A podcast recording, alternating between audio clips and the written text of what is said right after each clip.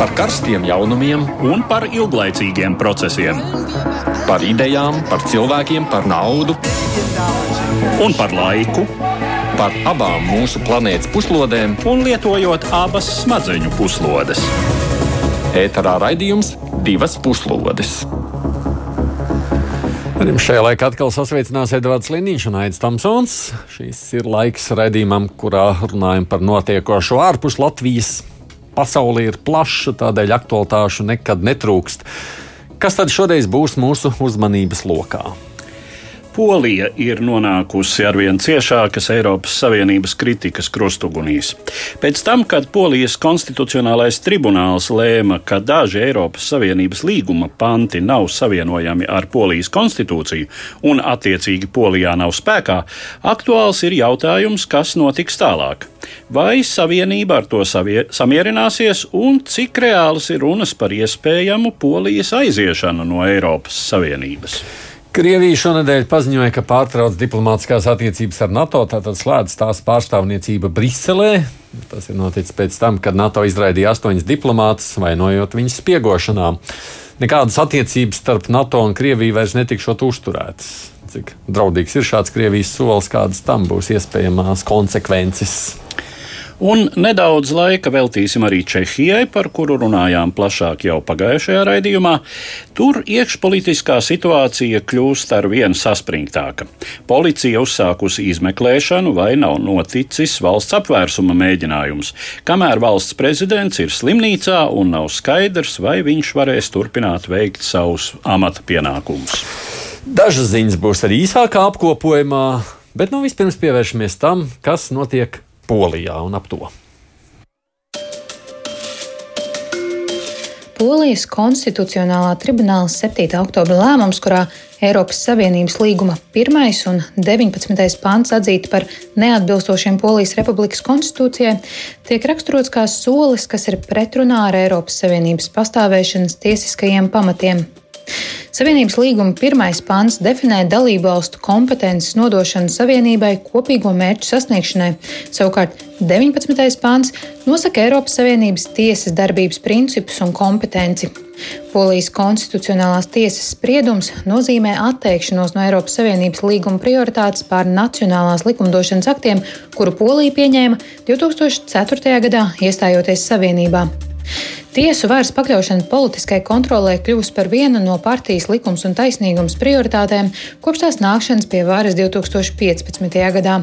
Un tas ir novedis pie likumsakarīgas konfrontācijas ar Eiropas Savienības institūcijām, pirmām kārtām Eiropas komisiju, kuras rosināta Eiropas Savienības tiesa uzsākus vairākus procesus par Polijas valdības īstenotajām izmaiņām tieslietu sistēmā.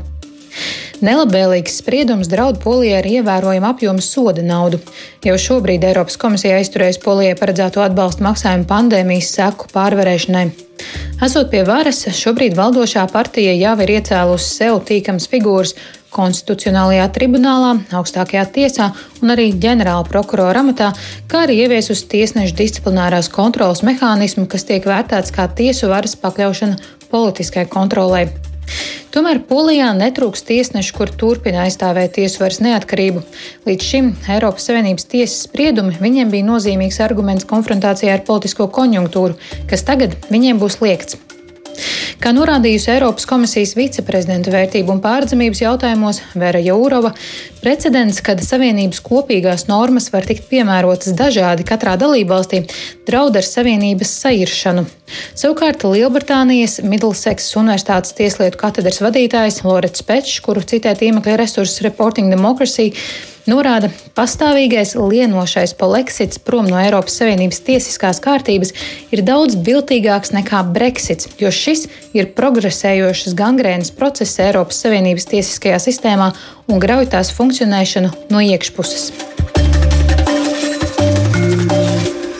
Telefoniski mūsu sarunai šobrīd pieslēdz arī Latvijas Universitātes Rīgas juridiskās augstskolas pasniedzējs, viņš arī Latvijas ārpolitikas institūta pētnieks Aldis Austeris. Labdien! Labdien! Es sākšu tādu provokatīvu, bet, uh, nu, manuprāt, atbilstošu jautājumu. Cik šādām runām ap Poliju vispār ir kāda saturiska jēga? Tātad poļi paziņojuši, ka viņi Eiropas Savienību nepametīs vienkārši, nu, dažos jautājumos viņiem būs tāds savs īpašs viedoklis, ja rīcība. Un neviens jau tur neko nevar padarīt. Suverēna valsts tātad piespiest neko nevar. Savienība vispār nav spējīga uz asāku rīcību, neviens polijas aiziešana arī nevēlas. Nu, pašūmēsies, tas arī viss. Vai ne tā, Austerkungs? Nu, grūti jau teikt. Patiesībā jāsaka, ka šis incidents, nu, jāpiekrīt tiem ekspertiem, kur saka, ka nebija plānots. Jo patiesībā visas tās tiesas reformas, kuras polijā tika īstenotas šīs valdošās partijas likums taisnīgums vadībā, bija vērstas uz iekšpolitiskiem jautājumiem, uz to, lai šī partija varētu neierobežotāk īstenot savus ietvers Polijā. Un, bet tas, ka tas izvērtās kā konflikts ar Eiropas Savienību, protams, bija loģiski, bet tā, tas tā nebija iecerēts, jo šī partija nebūtu nevēlās saraut saiti ar Eiropas Savienību, jo tomēr Polija ir lielākā atbalsta saņēmēja no Eiropas Savienības fondiem un arī Eiropas Savienības dalībai šajā valstī strateģiski nozīmē tāpatās kā Baltijas valstīm. Nu jā, bet nu, es atgādinu vienalga to savu jautājumu, bet nu labi, nu neviens jau negrib. Tā nebija iecerēts, bet tā ir sanācis, nu ko tad nu? Nu jā, nu tas, nu jautājums, protams, kā nav jau tā, ka būtu bezspēcīga Eiropas Savienība, nu kā jau tik minēts jūsu informatīvajā materiālā, tomēr šie maksājumi, atbalsta maksājumi tiek šobrīd e, aizturēti un netiek izmaksāti polijai. Tas, protams, arī rada uh, stresu polijas tautsēmniecībā un arī, nu, viņi arī plānojuši um, dažādas pasākumus un vēlas īstenot, izmantot šo naudu. Un jā, šobrīd tas viņiem ir liekts. Nu, te gan, uh, teiksim, cīdēties, ka, jā, iespējams, ka kādā brīdī, ko Eiropas komisijai būs jāizmaksā šī nauda, bet tas, uh, tā medzot, tiks notiks vēlāk, netiks saulēcīgi kā līdz šim. Un, jā, un pat iespējams arī kāds, kāds arī lēmums, kas liedz poliju saņemt šādu finansējumu, ja, ja tas viss process, kas, tika, kas ir ticis iedarbināts saistībā ar tiesiskumā aizsardzību Eiropas Savienībā, un kur nepieciešams ir Eiropas tiesas lēmums, nu, jā, un tas vēl ir ceļā, grūti pateikt, kad viņš būs, kad viņš būs, tad iespējams būs arī kādi, kādas lielākas aizturs. Edvard, ko tu saki par šo?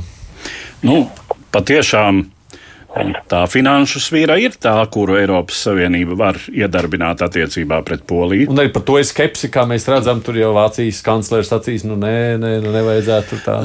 Nu, to arī nevar iedarbināt tā uzreiz. Kā jau Austerkungs teica, vispirms ir jābūt Eiropas Savienības tiesas spriedumam. Tās pašas tiesas, kuras kompetenci Eh, teiksim, lemt par polijas lietām, polijas konstitucionālais tribunāls ir apšaubījis. Jā.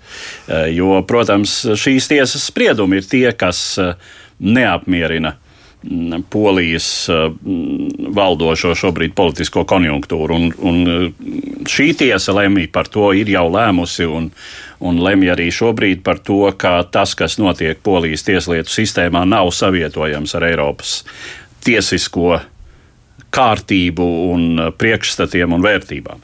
Um, nu, jā, tā tad uh, Polija cer saņemt, ja atmiņa mani neviļ, 36 miljārdus eiro no uh, šiem pandēmijas atbalsta fondiem. Un šobrīd Eiropas komisija vilcinās šo naudas izmaksu uzsākt. Nu, cik ilgi, jā, tas ir jautājums. Droši vien, ka eh, nav tā, ka Polijai tā sacīt aizgriezīs skābekļa krānu pilnībā un, un strauji, eh, bet nu, tā ir tā vienīgā svira. Eh, nu, tad, protams, otrs ir, ka jebkurš Eiropas Savienības tiesas spriedums, kas atzīst valsti par vainīgu, paredz soda naudas. Un tur šķiet ir runa par uh, no pusmiljona līdz miljonam dienā, eh, līdz kamēr valsts tā sacīt nelabo savas kļūdas. Eh, nu, kas arī ir tāds, eh, nu, ne, protams, astronomiska summa tādai valstī kā Polija, bet nu, vienalga nepatīkami. Un galvenais jau ir tas, ka Polija jau nav, teiksim, savā Polijas sabiedrība nav monolīta šajā gadījumā un nestāv vienotā frontē aiz savas valdības. Jo arī pat pēc šī konstitucionālā tribunāla sprieduma ielās izgāja demonstranti, un mēs zinām, ka vēlēšanās, nu tur parasti likums un taisnīgums tais pēdējās pāris vēlēšanās ir uzvarējis, bet eh, ne jau ar divkārtēju pārsvaru. Un ievērojot to, cik poļi tomēr ir eiro pozitīvi, ja, mm. kā ap, apmēram 80% pēc aptaujām atbalsta valsts dalību Eiropas Savienībā, nu tad uh, Polijas pašreizējā valdība nu, teiksim, žonglē, riskē, mēģinot vienlaicīgi izdabāt tiem saviem vēlētājiem, kuri ir gatavi balsot par šo konservatīvo kursu un mm, nu, teiksim, samierināties un atzīt par labu esam tās mm, tieslietu sistēmas pakļaušanu politiskam, politiskai kontrolei, un savukārt tiem, kuriem nu, kategoriski būtu nepieņemama attiecību saraušana vai pat kuriem nepatīk attiecību pasliktināšanās ar Eiropas Savienību. Aldi, vai jūs prāt tās runas par poleksit, vai kā lai tur pareizi to tādu pasaka, polijas izstāšanos, tās ir tikai tādas politiskas sarunas, jā? Es, es piekrītu, jā, es domāju, ka tas nav nopietni, vismaz ne šobrīd. Protams, mēs nevaram izslēgt, ka, ja šī konfrontācija attīstās un polijas vēlētāji joprojām turpinās vēlēt par likuma taisnīgumu arī nākošajās vēlēšanās un aiznākošajās, tādējādi padziņot, ļauj šai partijai padziļināt konfliktu Eiropas Savienību, tad nu, mēs varētu kaut kas tāds veidoties, bet kā jau teicu, Polijai dalība Eiropas Savienībā ir strateģiski nozīme, tas ir drošības jautājums, tāpat kā Baltijas valstīm. Un pastiprinoties konfrontācijai ar Krieviju un arī uh, ASV ar Ķīnu un ASV novēršoties no Eiropas, um, kā, teiksim, tāda, kā savu aizsardzības mēķi, mēķi reģionu. Nu, arī Polijas drošība nonāk uh, jautājumos, un par to arī viņam būtu jādomā. Nu, mums jau arī tas strateģisks jautājums, vai ne, ja poļi iziet no Eiropas Savienības. nu, tas, būtu, tas būtu mums patiešām ļoti nepatīkami no, no daudziem mēs, aspektiem. Mēs esam atgriezti tīri fiziski. No tīri, no jā, no tīri praktiskiem aspektiem mums vairs nebūtu iespējams. Bet nu, par to tiešām, es domāju, nav, nav vērts spriest, jā. kā tas varētu būt. Ja tas būtu, es nedomāju, ka tas patiešām ir iespējams. Un jāsaka jau, nu, partija likums un taisnīgums Polijas valdošā partija um, ir tomēr ļoti lielā mērā arī atkarīga no šīs Eiropas naudas, jo nu, tā Eiropas nauda ļauj šai partijai turpināt teiksim, savu dāsno sociālo politiku. Un šī sociālā politika dāsni pabalsti ģimenēm uh, un tā tālāk. Un tā tālāk. Nu, tas jau ir tas galvenais trumpis šīs partijas rokās.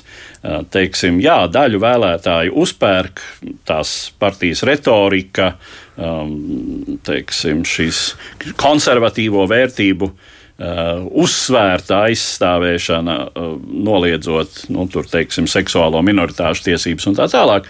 Bet uh, galvenais jau ir tas, ka šī partija var atļauties daudz tērēt. Sociāli... Eiropa pat uzpērk tātad polijas politiku. Nu, nu, kaut kā sanāk tā, ka tu saki. Nē, nu, sanāk, sanāk tā, ka Eiropa dara attiecībā pret Poliju to, ko tā dara attiecībā pret jebkuru savu dalību valsti, kura ir pēc Eiropas standartiem pelnījusi atbalstu. Mm -hmm. nu, Polija savas, sava lieluma, iedzīvotāju skaita, arī ekonomiskā svara dēļ ir jā, liela, liela Eiropas naudas saņēmēja. To nevar saukt par uzpirkšanu. Tas, nu tā, tā, tas nav pareizs formulējums. Bet, ja runājam par kompromisiem, Austerkungs, kā jums šķiet, nu, kas tad tur tālāk var sanākt? Nu, jautājums ir joprojām Eiropas komisijas pusē un arī Eiropas Savienības tiesas pusē, vai, vai tiks piemērotas jau pieminētās sankcijas vai nē. Un, ja būs šīs sankcijas, tad iespējams, ka Polijai būs jāpiekāpjas. Mm, jā, un jautājums tomēr būs atkarīgs uh, no vēlēšanu rezultātiem. Somijā, uh, Polijā tuvojas vēlēšanas. Un arī tā, tā, tā, kāda būs iznākuma šajās vēlēšanās, arī no tā būs arī atkarīgs iznākums šajā strīdā. Bet jūs versija, kurš tad pirmais piekāpsies? Poļi vai vērās Eiropa? Nu, es to, ne, šobrīd būs tāda iespējams muļāšanās abas puses. Protams, um, nu, kā apliecināja debates Eiropas parlamentā um, pagājušajā nedēļā, man liekas, bija uzstāšanās, kur stājās gan polijas premjerministrs, gan, gan Eiropas komisijas prezidenta un diezgan acīm vārdiem apveltīja viens otru. Bet, nu jā, es domāju, ka nu, tas uh, risinājums varētu būt nākošā gada sākumā tiešām, kad būs uh, šīs, uh, būs skaidrāks Eiropas tiesas lēmums būs pasludināts par to, kā darbosies šis nosacījuma mehānisms par Eiropas naudas izmaksām situācijās, kad ir apdraudēta likuma vara dalību valstīs un arī, dzen, kā attīstīsies politiskā situācija pašā polijā. Nu, muļāšanās jau arī, Edvard, ir kaut kādā brīdī droši vien piekāpšanās. Ne? Muļāšanās ir politikas neizbēgama sastāvdaļa. Jā, bet nu, tā realitāte vai ne? Pārlieku izlēmīga politika Jā. parasti nenoved pie.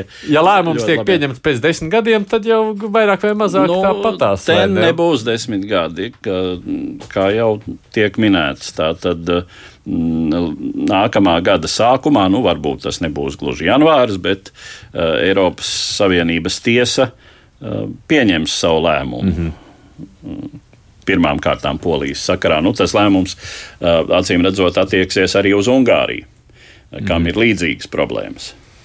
Uh, un, uh, jā, tas ir jautājums, kuru uh, patiešām cenšas risināt uzmanīgi Eh, piesardzīgi no abām pusēm, jo eh, nu, neviena no, no pusēm eh, arī domājams arī Ungārijas gadījumā, kur teiksim, varas pozīcijas, premjera Orbāna partijas pozīcijas ir vēl daudz noturīgākas, teiksim, iekšpolitiski nekā tas ir Polijas valdošajai partijai, tad tomēr nu, risks patiešām saraut attiecības ar Eiropas Savienību ir pārāk eh, liels.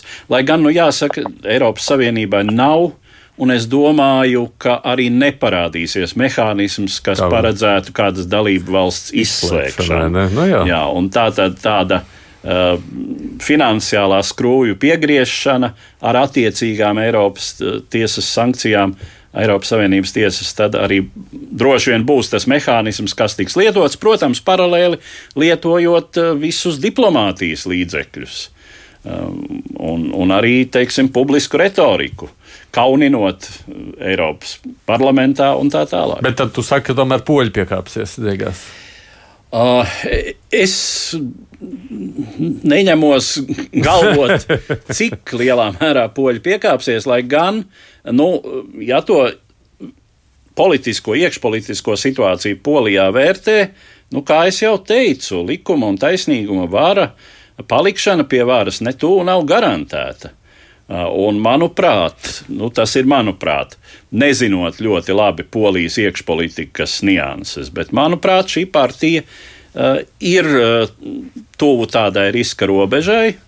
Arī dzen ievērojot to, ka, protams, arī poļu sabiedrība ir pandēmijas nogurdināta un ka tās ekonomiskās problēmas ir neizbēgamas. Nav tā, ka uh, pašreizējā politiskā vara būtu Polijā, nu, teiksim, uh, Eh, izcili eh, sekmīgi rīkojusies pandēmijas kontekstā, starp citu, Polijai. Eh, saslimstības rādītāji strauji aug, strauji aug un, un tuvojas jau Latvijas līmenim. Mm. Te, ja, man liekas, otrajā vietā pēc Latvijas pēdiņās godpilnās pirmās pozīcijas šai ziņā. Nu tad uh, var būt visādi. Jā. Un, un eh, teiksim, uh, politiskās varas nomaiņa Polijā radikāli mainīs visu to situāciju. Tas gan, tas gan taisnība. Kā jums šķiet, tā Aldi varētu būt, ka Polijā ir varas maiņa? Jūs pieminējāt šīs vēlēšanas. Nu, grūti jau prognozēt. Um, nav manā rīcībā tādu ticamu um, ar datu par, par uh, vēlētāju noskaņojumu šobrīd. Bet, nu jā, nu, Donalds Tusks ir atgriezies Polijas politikā. Un kā jau te, kā citi eksperti ir minējuši, tad revolūcijas jātājas atrodoties valstī. Nu, tā, tā Tusks ir atgriezies un organizē opozīciju. Un, un nu, cerams, ka viņam izdosies. Bet, nu jā, nu, bet jāsaka, arī um, likums taisnīgums ir, ir gana rūdīti. Ir iestrādātas, uh, ir, kā saka, liktas iestrādes, lai saka, uh, turpmāk ir palikt pie varas. Nu, jā, jautājums, kā tas viss izspēlēs. Bet jāsaka, ka polijas gadījumā ir vēl citas problēmas. Ir jautājums arī par to, kas notiek uz polijas Baltkrievijas robežas kuras pienāk ziņas par jauniem nāves gadījumiem un, un joprojām netiek pielaisti klāt nedz Eiropas Savienības robežsardzes eksperti, nedz, nedz nevalstu organizāciju pārstāvji, nedz žurnālisti. Jā, nu jautājumi daudz jā par to, kas notiek Polijā un, un jāsaka, kas diezgan mm, neveido patīkamu ainu. Kad viņiem vēlēšanas? Kaut kad. Pie... Piedod. Nezinām, uz ātro sitienu jāsameklē. Jā, no galvas nezinu. Jā, bet nu, tuvākajā laikā, jā. Nu, salīdzinot. Gada laikā būs. Gada laikā kaut kur apmēram, jā. Nu, labi. Ah, runājot par tiem konstitucionāliem izaicinājumiem, ir vērts pievērsties Polijas kaimiņu valstī Čehijai, par kuru mēs jau te runājām pagājušā nedēļā, bet kur pēc vēlēšanām iekšpolitiskā situācija kļūst ar vien saspringtāka. Divi notikumi aizpagājušās nedēļas beigās radījuši krīzi Čehijas politikā. Vispirms 8. un 9. oktobrī notikušajās vēlēšanās savas līderpozīcijas zaudēja līdzinējā premjera Andreja Babiša vadītā populistiskā partija neapmierināto pilsoņu akcija 2011, bet dienu vēlāk Prāgas centrālajā kara hospitālī tika nogādāts Čehijas prezidents Milošs Zemans. Čehijas prezidenta varas funkcijas ir līdzīgas Latvijas valsts prezidenta funkcijām un sevišķi nozīmīgas pēcvēlēšanu periodā, kad prezidentam jāsasauc jaunievēlētās parlamenta apakšpalātas pirmā sēde un jānominē premjera kandidāts. Vēlēšana rezultāti rāda, ka premjeram Babišam ir maz iespēja izveidot valdības koalīciju, taču pirms nogādāšanas slimnīcā prezidents Zemans izteicies, ka uzticēšot valdības veidošanu partijai ar lielāko mandātu skaitu, un tāda joprojām ir Babiša vadītā partija. Kopš prezidenta hospitalizācijas ar vien pieaugušas bažas par viņa spējām veikt savus pienākumus. 14. oktobrī prezidentu gan apmeklējis pašreizējais Čehijas parlamenta apakšpalātas priekšsēdis Radeks Vondrāčeks, prezidenta kancelēs vadītāja Vratislava Minēža pavadīts un atgriezies ar prezidenta parakstītu rīkojumu jaunievēlētai parlamenta apakšpalātai sanākt uz pirmo sēdi 8. novembrī. Tomēr, kā vēlāk atklājies, šī vizīte nesot bijusi saskaņota ar hospitāļa direktoru, kurš ir arī prezidenta ārstējošais ārsts. Vēl vairāk situāciju sāsnēs Čehijas parlamenta augšpalāts, jeb senāta priekšsēža Miloša Vistrčila šīs pirmdienas paziņojums, ka viņš saņēmis informāciju no hospitāļa par prezidenta Zemana nespēju pildīt amata pienākumus. Čehijas policija jau uzsākusi izmeklēšanu 14. oktobra vizītes sakarā, tā skaitā pārbaudot viņa parakstu īstumu uz rīkojumu par parlamentu sasaukšanu.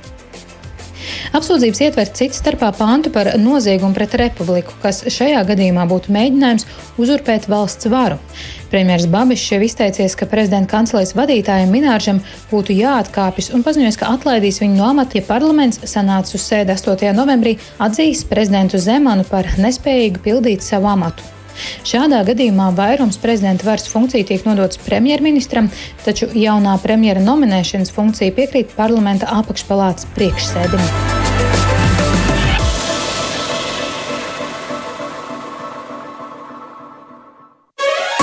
Divas puslodes.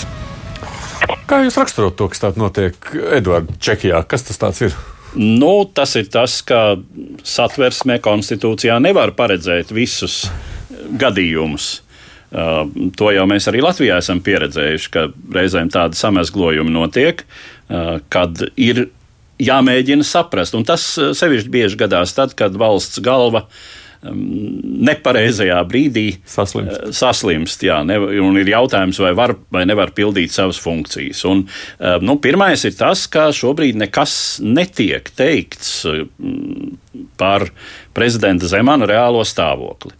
Un, eh, jā, eh, slimnīcas eh, pārstāve esot izteikusies, ka viņa stāvoklis ir stabils. Bet uh, koma arī ir diezgan stabils stāvoklis, un uh, stabils nenozīmē spējīgs pildīt funkcijas. Nu, te ir uh, tā situācija, ka ļoti nelaikā. Ne. ļoti nelaikā, un bez tam, nu, protams, radikāli ir pamainījusies tā politiskā konjunktūra. Un tagad premjerministrs Babišs līdz šim teiksim, nu, viņi, viņu un prez, viņš un prezidents Zemans bija lielā mērā tādi politiski sabiedrotie. Un Babišs vienā brīdī ir zaudējis gan teiksim, vairākumu parlamentā, gan arī viņš ir zaudējis savu Sabiedroto, atbalstu prezidenta jā, jā. veidā. Nu, zaudējis katrā ziņā šajā konkrētajā situācijā. Tā kā Nu, tā ir politiskā krīze. nu, nepārprotami tā ir politiska krīze. Ja, jo uh, sevišķi nepatīkami tā situācija kļūst tāda, ja izrādās, ka uh, patiešām tajā 14. oktobrī, nu, nedod, es teiktu, nedod Dievs no tāda politiskās situācijas viedokļa, ka izrādītos, ka paraksts viltots. Ka paraksts ir viltots, jo nu, tad, tad ir, protams, senāta, senāta priekšsēdētāja, respektīvi um, apakšpalātas priekšsēdētājiem. Um, nu, viņš nonāk neapskaužamā Jā. politiskā, bet arī dzen, faktiski apsūdzētā situācijā. Un tad ir jautājums, jo uh, papīrs, kurš nosaka, ka jaunais parlaments sanāk uz pirmo sēdi 8. datumā, uh, tā tad nav spēkā. Un tad ir jautājums, nu, kad vispār? Kad vispār un kā? Un es, es nezinu, iespējams, droši vien, ka tur var atrast uh, Čehijas likumdošanā attiecīgi izēju, vai, tad, vai senāta priekšsēdētājs nosaka šo datumu, iespējams, vai, vai vēl kāds cits, bet, bet nu, tas, tas, tas nu būtu tāds. No. Vēsturē grūti tā man atcerēties līdzīgu precedentu. Nu, gan jau tā nebūs. Aldi, kā jūs raksturot to, kas notiek Čehijā šobrīd? Ja drīkst maz atkāpīt par polijas jautājumu, es būšu jūs maldinājis. Pacēlās jautājums par nākamajām vēlēšanām Polijā. Nu, tās ir gaidāmas nevis nākamgad, bet 23. gadu rudenī. 23. gads, tā divi gadi vēl, nu skaidrs, tur vēl var gaidīt. Labi, daudz, jā. Jā, jā. Par Čehiju runājot, nu jā, tas um, nu, ir skaidrs, ka mm, premjerministrs Labišs noteikti nevēlas pazaudēt savas varas pozīcijas un darīs iespējamo, lai noturētu pie varas. Um, premjer, prezidents Zemons bija, kā viņam devu šo cerību, solot um, jā, virzīt lielākās partijas pārstāvi, nestoties to, kāda koalīcija varētu veidoties parlamentā. Bet jā, nonākot slimnīcā, Babišs šo, šo labēlību ir pazaudējis šo iespēju. Mācīm redzot, tagad mēģina atrast citu ceļu, kā aizkavēt parlamentu nomaiņu un tādējādi arī savu nenovēršamo varu zaudēšanu. Jā, bet nu, ko tas dod, ja viņam ir iedot, nu, pieņemsim, iespēju vadīt valdību? Viņš tomēr beig beigās sameklētu dažādas nu, svārstīgos kaut kā tā. Nu, droši vien, nu, bagāts cilvēks, Babišs ir un uh, miljardieris, un ka droši vien meklē ceļus šādās situācijās eh, viņa cenšas izmantot katru minūti, katru stundu, lai, lai atrastu kādu kombināciju, kas ļautu noturēties pie varas. Nu, līdzīgi, ka mēs skatāmies, kas notika ASV, kad Trumps zaudēja vēlēšanās, viņš arī centās noturēties uh, dažādām metodēm, jāsaka, apšaubāmām. Nu, bet tas viņam neko nepalīdzēja Trumpam. Nepalīdzēja, protams, jā, un tas arī liecina par institūciju spēku, spēku, ka institūcijas spēcīgas turēties pretī šādām, šādām vēlmēm uzurpēt varu.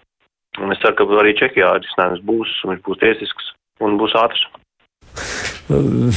Ne, vispār Babišam jau kādas cerības izveidot valdību, Edvard? Nu, kā jau Austerkungs teica, nu, tad Babišam tad ir uh, droši vien jāņem koalīcijā, jāņem koalīcijā uh, tā radikāli labējā partija, uh, kas ir ar apmēram 20, šeit tieši 20 mandātiem uh, iekļūst parlamentā. Uh, bet ar to nepietiek. Nu, tad droši vien, ja viņš eh, varētu mēģināt pārpirkt atsevišķus deputātus. Tādu neatkarīgo deputātu faktiski parlamentā nav. Nu, sākotnēji jau parasti nav, kamēr ievēlē. Jā, nu, ir šī partija, kas saucās Pirātu un Stārastu partija. Jā. Tā tad. Nu, tur, tur gan vairāk ir šie nospiedošā vairākuma atšķirībā no iepriekšējā parlamenta, ir šie, kā es tos nosaucu, stārast, vai arī, nu, arī, arī čehu valodā to sauc starastovējā, tā tad pilsētu galvas. Um, nu, pašvaldību vadītāji un pašvaldību pārstāvji. Uh, un, uh, nu, tur ir jautājums, jā, iespējams, ka šos, šo cilvēku labvēlību var kaut kā nopirkt. Jo nu, reģiona intereses, ja teiksim, apsola viņiem labvēlīgu politiku attiecībā pret viņu, pret viņu konkrēto reģionu, pret viņu pašvaldību. Nu, tas ir tas mandāts, ko pamatā šai partijai un šiem politiķiem vēlētāji ir devuši - rūpēties par vietējo par vietvaru, labklājību un uh, labu pastāvēšanu iepretim centrālajai varai. Bet, runājot vēl par prezidentu, savukārt slimnīcā esošu, nu, ir jau skaidrs, ka kaut kādā brīdī jau to uh, parlamentu sēdi būtu jāsasauc agrāk vai vēlāk. Jā, manuprāt, mēnešu laikā tam nu, ir jānotiek. Nu, re, tādā ziņā, kas notiek, ja, piemēram, prezidents nevar sasaukt parlamentu sēdi, kurš tad to sasauc? Nu, nezinu, nezinu Čehoslovākijas satversmi, bet es domāju, ka tādam mehānismam, nē, respektīvi, respektīvi primāri sasauc apakšpalātas priekšsēdētājs, esošais, acīm redzot, tā tad nevis jaunievēlētā, protams, jo tas jau vēl nav ievēlēts, bet esošās apakšpalātas spīkers, kas ir Vondrā, Vondrāčeka, jā, Vondrāčeka kungs. Uh, mm. Tad viņš. Viņām piekrīt tas, tas pienākums. Bija, tas bija tas, kurš uh, saņēma to ziņu, ka prezidents ir rīcība nespējīgs. Tas ir tas, tas, ir tas kurš uh, aizgāja pēc tā paraksta. Kurš aizgāja pēc paraksta? Jā, tas, kurš aizgāja pēc paraksta. Skaidrs. Uh, uh, savukārt, vēl mazliet Austarkungs par pašu prezidentu. Nu, būtībā jau Čehijā taču, laikam, jautājums par prezidenta spēju pildīt savus pienākumus ir aktuāls pats par sevi, vai ne? Nu, jā, es pieņemu, jā, protams, bet nu, jāsaka, Zemans bija populārs prezidents. Nu, viņš bija tāds tautas prezidents, populists savus, saviem uzskatiem. Tāds, bet nu, viņš spēja asociēties ar vienkāršiem cilvēkiem, un viņš bija viens tād, tādu liberāļu nīdējs, jāsaka. Un, un, bet jā, arī Čehijā liela sabiedrības daļa skatās ar aizdomām uz, uz rietumiem un arī uz liberālām vērtībām, un viņiem šāds prezidents apmierināja, un viņš vairāk kārt ir ticis pārvēlēts par prezidentu. Nu, tikai, jā, nu, viņa, viņa, ja tomēr tas iznākums būs letāls, nu, tad uh, savā ziņā arī mainīsies um, politika paudzes Čehijā, un iespējams, parādīsies arī jaunas vēsmas šajā valstī. Interesanti, ko ļaudis paši saka par visu to padarīšanu, kas notiek Čehijā. Man liekas, tas būtu interesants ielu intervijas, vai ne?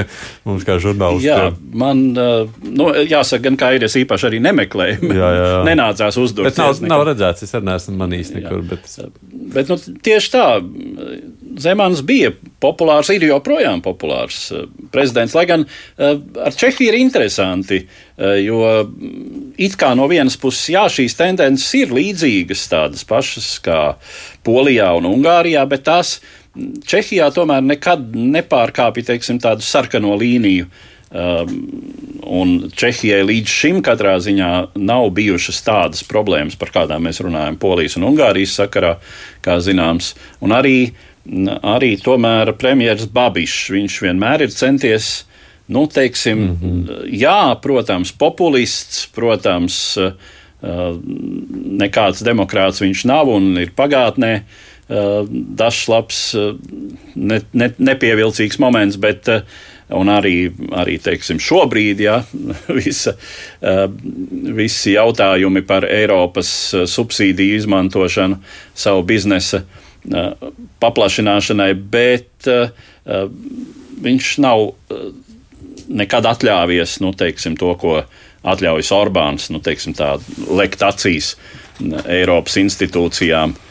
Un, uh, nu, jā, Es, es, dom, es teiktu, tā, viņš tāds babišs, diezgan līdzīgs Andrim Šķēlēm, ja mēs atceramies, kā, jā, jā. kā teiksim, Šķēle arī. Nu, bija viss, viss kaut kas, bet, bet sarkanās līnijas viņš tomēr apzinājās.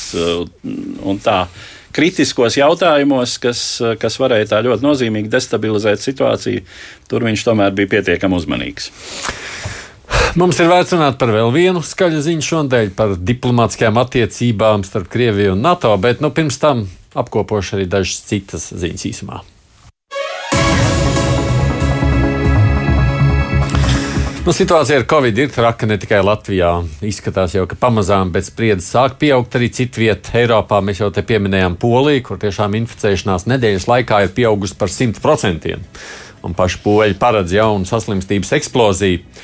Vissaspringtākā situācijā esot valsts austrumos, kuras iepriekš pandēmijas kā ar mazāk. Līdzīgi pasliktinās aina arī pieminētajā Čehijā, kas jau arī agrāk piedzīvojis smagas pandēmijas viļņus.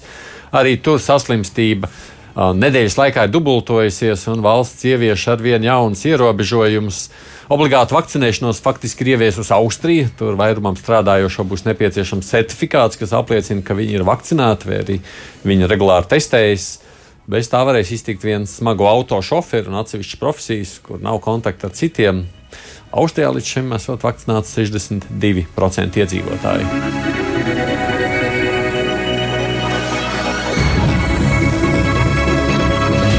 Savukārt Krievijā ikdienas no covid mirst vairāk nekā tūkstoši cilvēku, un šī līkne turpina iet uz augšu. Katru dienu tiek reģistrēti ap 35, nu jau krietni pār 35 tūkstošiem saslimušo. Šodien ziņa bija, Krievijā pret vakcīnām ir īpaši liela skepse. Tur pilnībā ir vakcinēti tikai trešdaļa iedzīvotāji. Kaut arī Krievijas valdība nebija gatava ieviest atkal stingrākus ierobežojumus, nu, šķiet, Kremlī sapratuši, ka citādi būs liels nepatikšanas. Valstī tā ir izsludināts šodien brīvdienas nedēļas garumā, lai ierobežotu sociālos kontaktus. Maskavas mērs Sergejs Sabjaņins otrdien ievies ierobežojumus tieši galvaspilsētā, tostarp paredzot arī vecāku gadagājumu cilvēkiem strādāt tikai no mājām. Tie vispār ir pirmie ierobežojumi kopš vasaras. Arī Maskavā ir paplašināta prasība obligāti vakcinēties pakalpojumu nozarē strādājošiem. Tikmēr Rumānijā, kur situācija pandēmijas dēļ ir visdramatiskākā Eiropā, visu pasliktina politiskā krīze.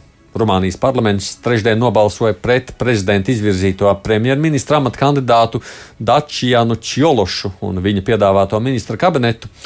Tiesa, kā saka, nelielās zaļo liberāļu Rumānijas glābšanas savienības līderim Čološam balsojumā nebija nekāda izredzi, jo citi politiskie spēki viņa koalīcijai nevēlējās pievienoties.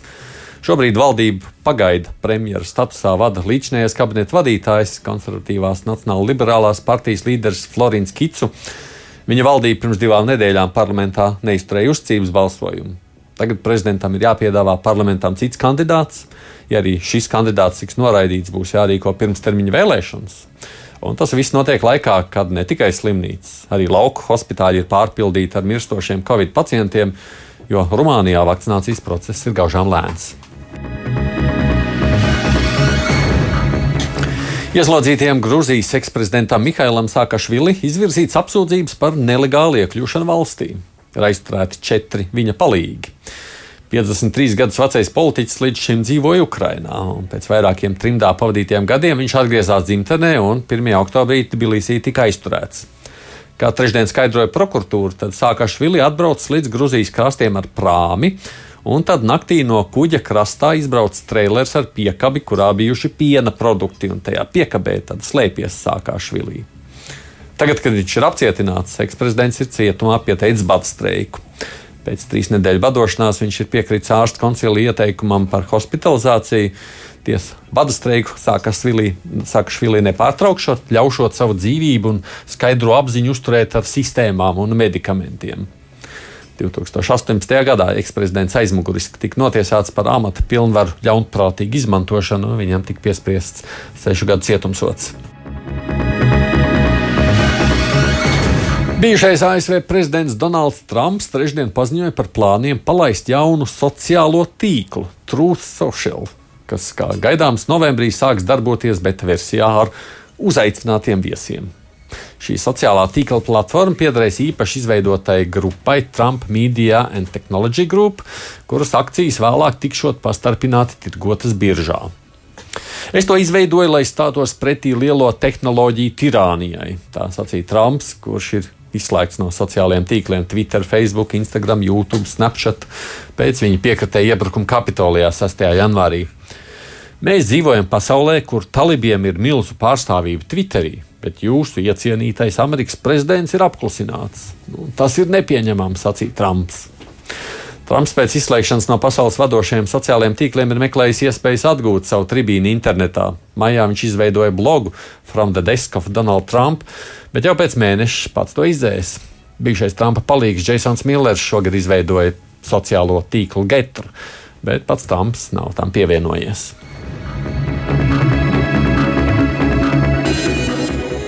Nu, tāds bija dažs ziņas īsumā, bet nu, turpinām ar vēl vienu tēmatu par NATO un alianses attiecībām ar Krieviju. Pirmdien Krievijas Federācijas ārlietu ministrs Sergejs Lavrovs nāca klajā ar paziņojumu par savas valsts misijas slēgšanu NATO galvenajā mītnē Briselē. Arī NATO misijas pilnvērs Maskavā tiek izbeigtas, un tās darbinieku akreditācija tiks pārtraukta līdz ar novembri. Tā ir reakcija uz Ziemeļatlantijas alianses šomēnes pieņemto lēmumu izraidīt astoņus no Krievijas misijas darbiniekiem, norādot, ka tie faktiski veikuši nevis diplomātu, bet gan izlūku darbību un samazinot Krievijas misijas darbinieku skaitu Briselē no 20 uz 10 personām. Iepriekšējā misijas apcepšana notika 2018. gadā, pēc tam, kad Krievijas aģenti Lielbritānijā mēģināja noindēt bijušo dubultaģentu Sergeju Skripaļu. Pēc šī incidenta misijas darbinieku skaits tika samazināts par trešdaļu - no 30 uz 20 personām. Kā norādījis NATO ģenerālsekretārs Jens Stoltenbergs, šis lēmums nav saistīts ar kādu konkrētu notikumu, taču mēs vērojam pastāvīgu Krievijas nedraudzīgu darbību pieaugumu, tāpēc mums jābūt modriem. Krievijas puse, saprotams, noliegusi jebkādus pārmetumus spiegošanā un paziņojusi, ka NATO mēģinot demonizēt Krieviju, lai tādējādi notušētu savu neveiksmi Afganistānā.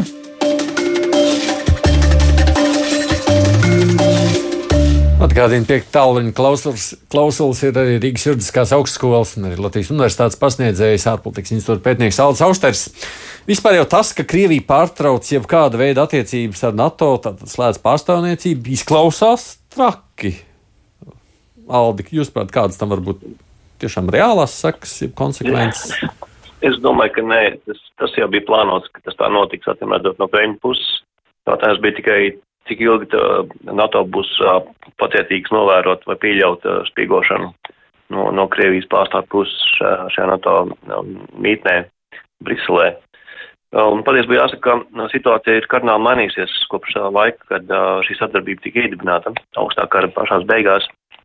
Un tagad ir Ķīnas faktors parādījies, un arī cena Krievija šobrīd runā jau no spēku pozīcijām. Ja mēs skatāmies to pašu situāciju gāzes tirgu, Eiropā šī gāzes trūkst, un šeit draud izvērsties dziļa ekonomiska krīze dēļ augstajām gāzes cenām. Un Krievija šis gāze ir, un Krievija var atvēlēt var gan sūtīt šo gāzi papildus, gan var izvēlēties arī nesūtīt.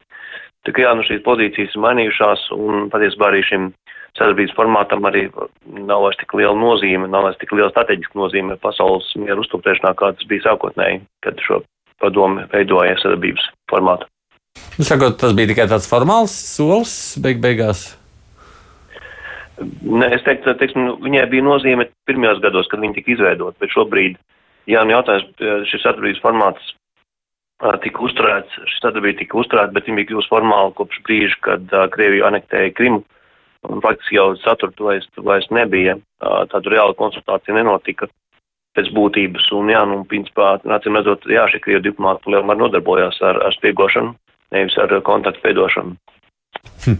Edvard, ko tāda pārstāvniecība vispār nu, dod, ja dara? Nu, kam viņi ir vajadzīgi tādās situācijās?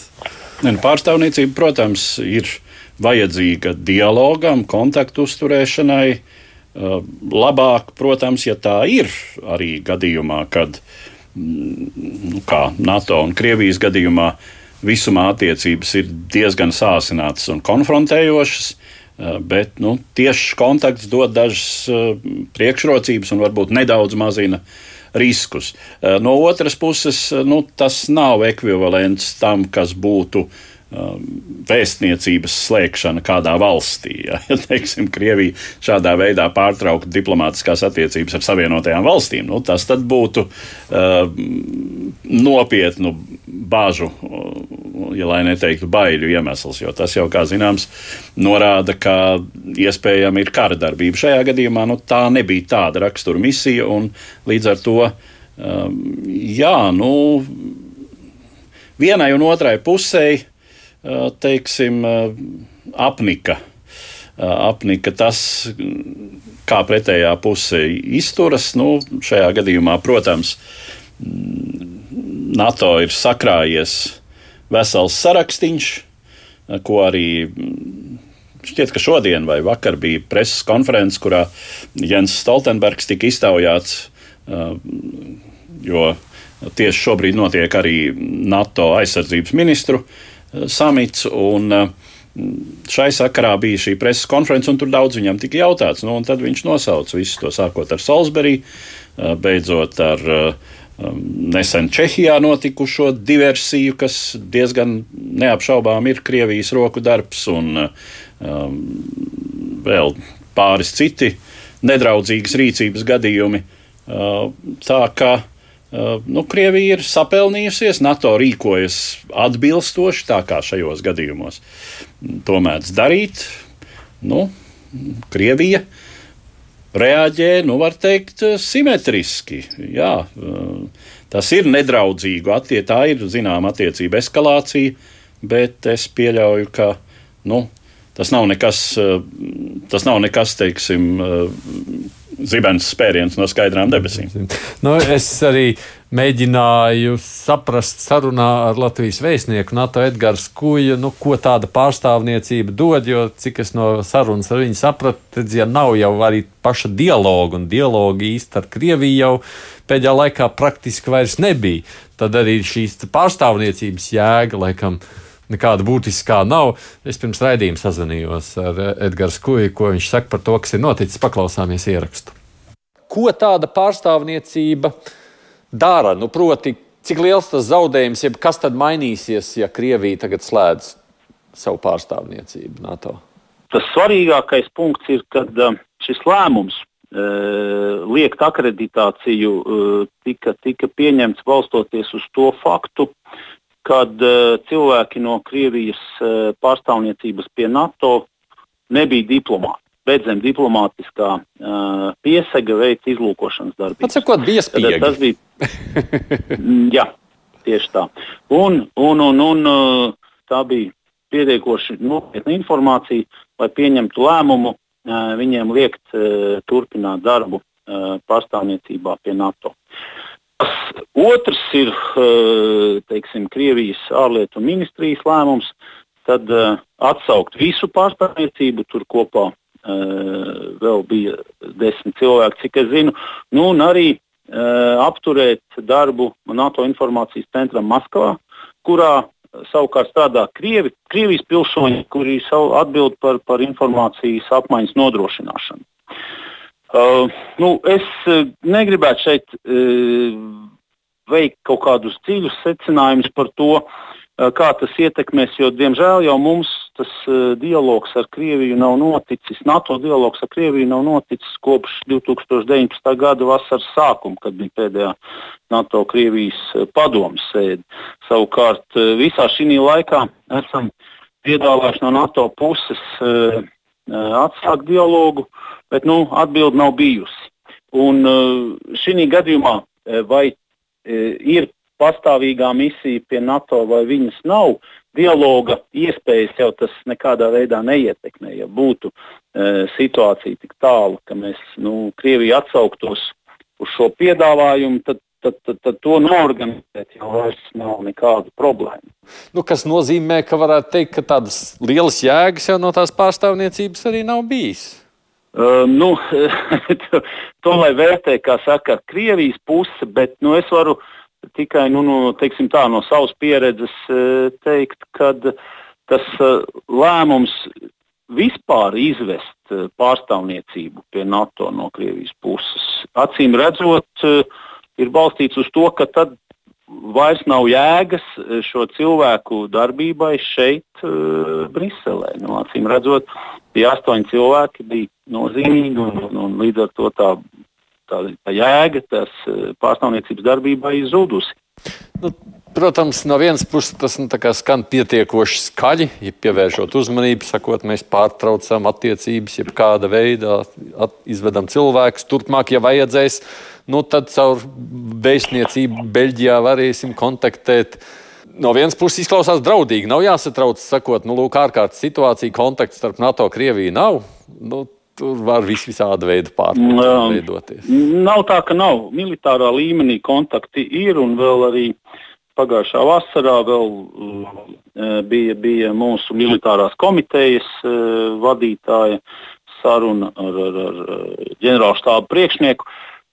Militārie kontakti ir, bet vēlreiz dialogs nav noticis ne tāpēc, ka ir vai nav informācijas centri vai pastāvīgā misija. Dialogs nav noticis tāpēc, ka Krievija nav atsaukusies uz NATO piedāvājumiem apsēsties pie galda un runāt par starptautisko situāciju. Nu, tā ir Edgars Skavs, kurš ir Latvijas vēstnieks NATO. Uh, nu, es, protams, ar interesi faktiski tāds secinājums, vai ne Austerkungs ir jāizdara. Nu, Krievijai bija svarīgi, ka tur ir tie spiegi, nu, ka spiega nav, tad taču kā mēs pārstāvniecība, vai ne? Nu, tas arī tas, protams, jau šī informācijas iegūšana, zondēšana, spiegošana. Uh, un arī, zin, protams, jā, arī simboliskais solis. Nu, ja jūs mums tā, tad mēs tā. Nu, jā, tā kā arī tāds, um, tas apliecinājums braūzu parādīšana. Bet no arī tas, jā, tas nozīmē to, ka nu, Krievija nav interesēta uzturēt dialogu, viņi ir interesēti vairāk iziet uz konfrontāciju šobrīd ar, ar NATO un Rietumvalstīm. Tas viss kopā ierakstās tajā kopējā stratēģijā. Nu jā, tāpat Aldis mums raksta cits Aldis, ar ko tad Krievu diplomātiem tur būtu jānodarbojas tādā gadījumā vairs NATO. Nu, jā, vai ne? Priekš kam NATO vajadzīga tāda Krievu? Tad viņa ir. Ah, nu, tad viņa ir, nu kāda ir apmaiņas informācija, apmaiņa par militāriem manevriem, par mil, plānotiem militāriem akcijām kaut kur trešās valstīs. Nu, pasaulē jau problēma netrūkst. Nu, tādā, ko runāt, jā, ir jautājums, vai grib runāt. Vai ne? Bet nu, no otras puses, ja negrib runāt, priekš kam NATO vajag tādu Krievijas pārstāvniecību tur uzturēt, vai ne, kur visu laiku spiego.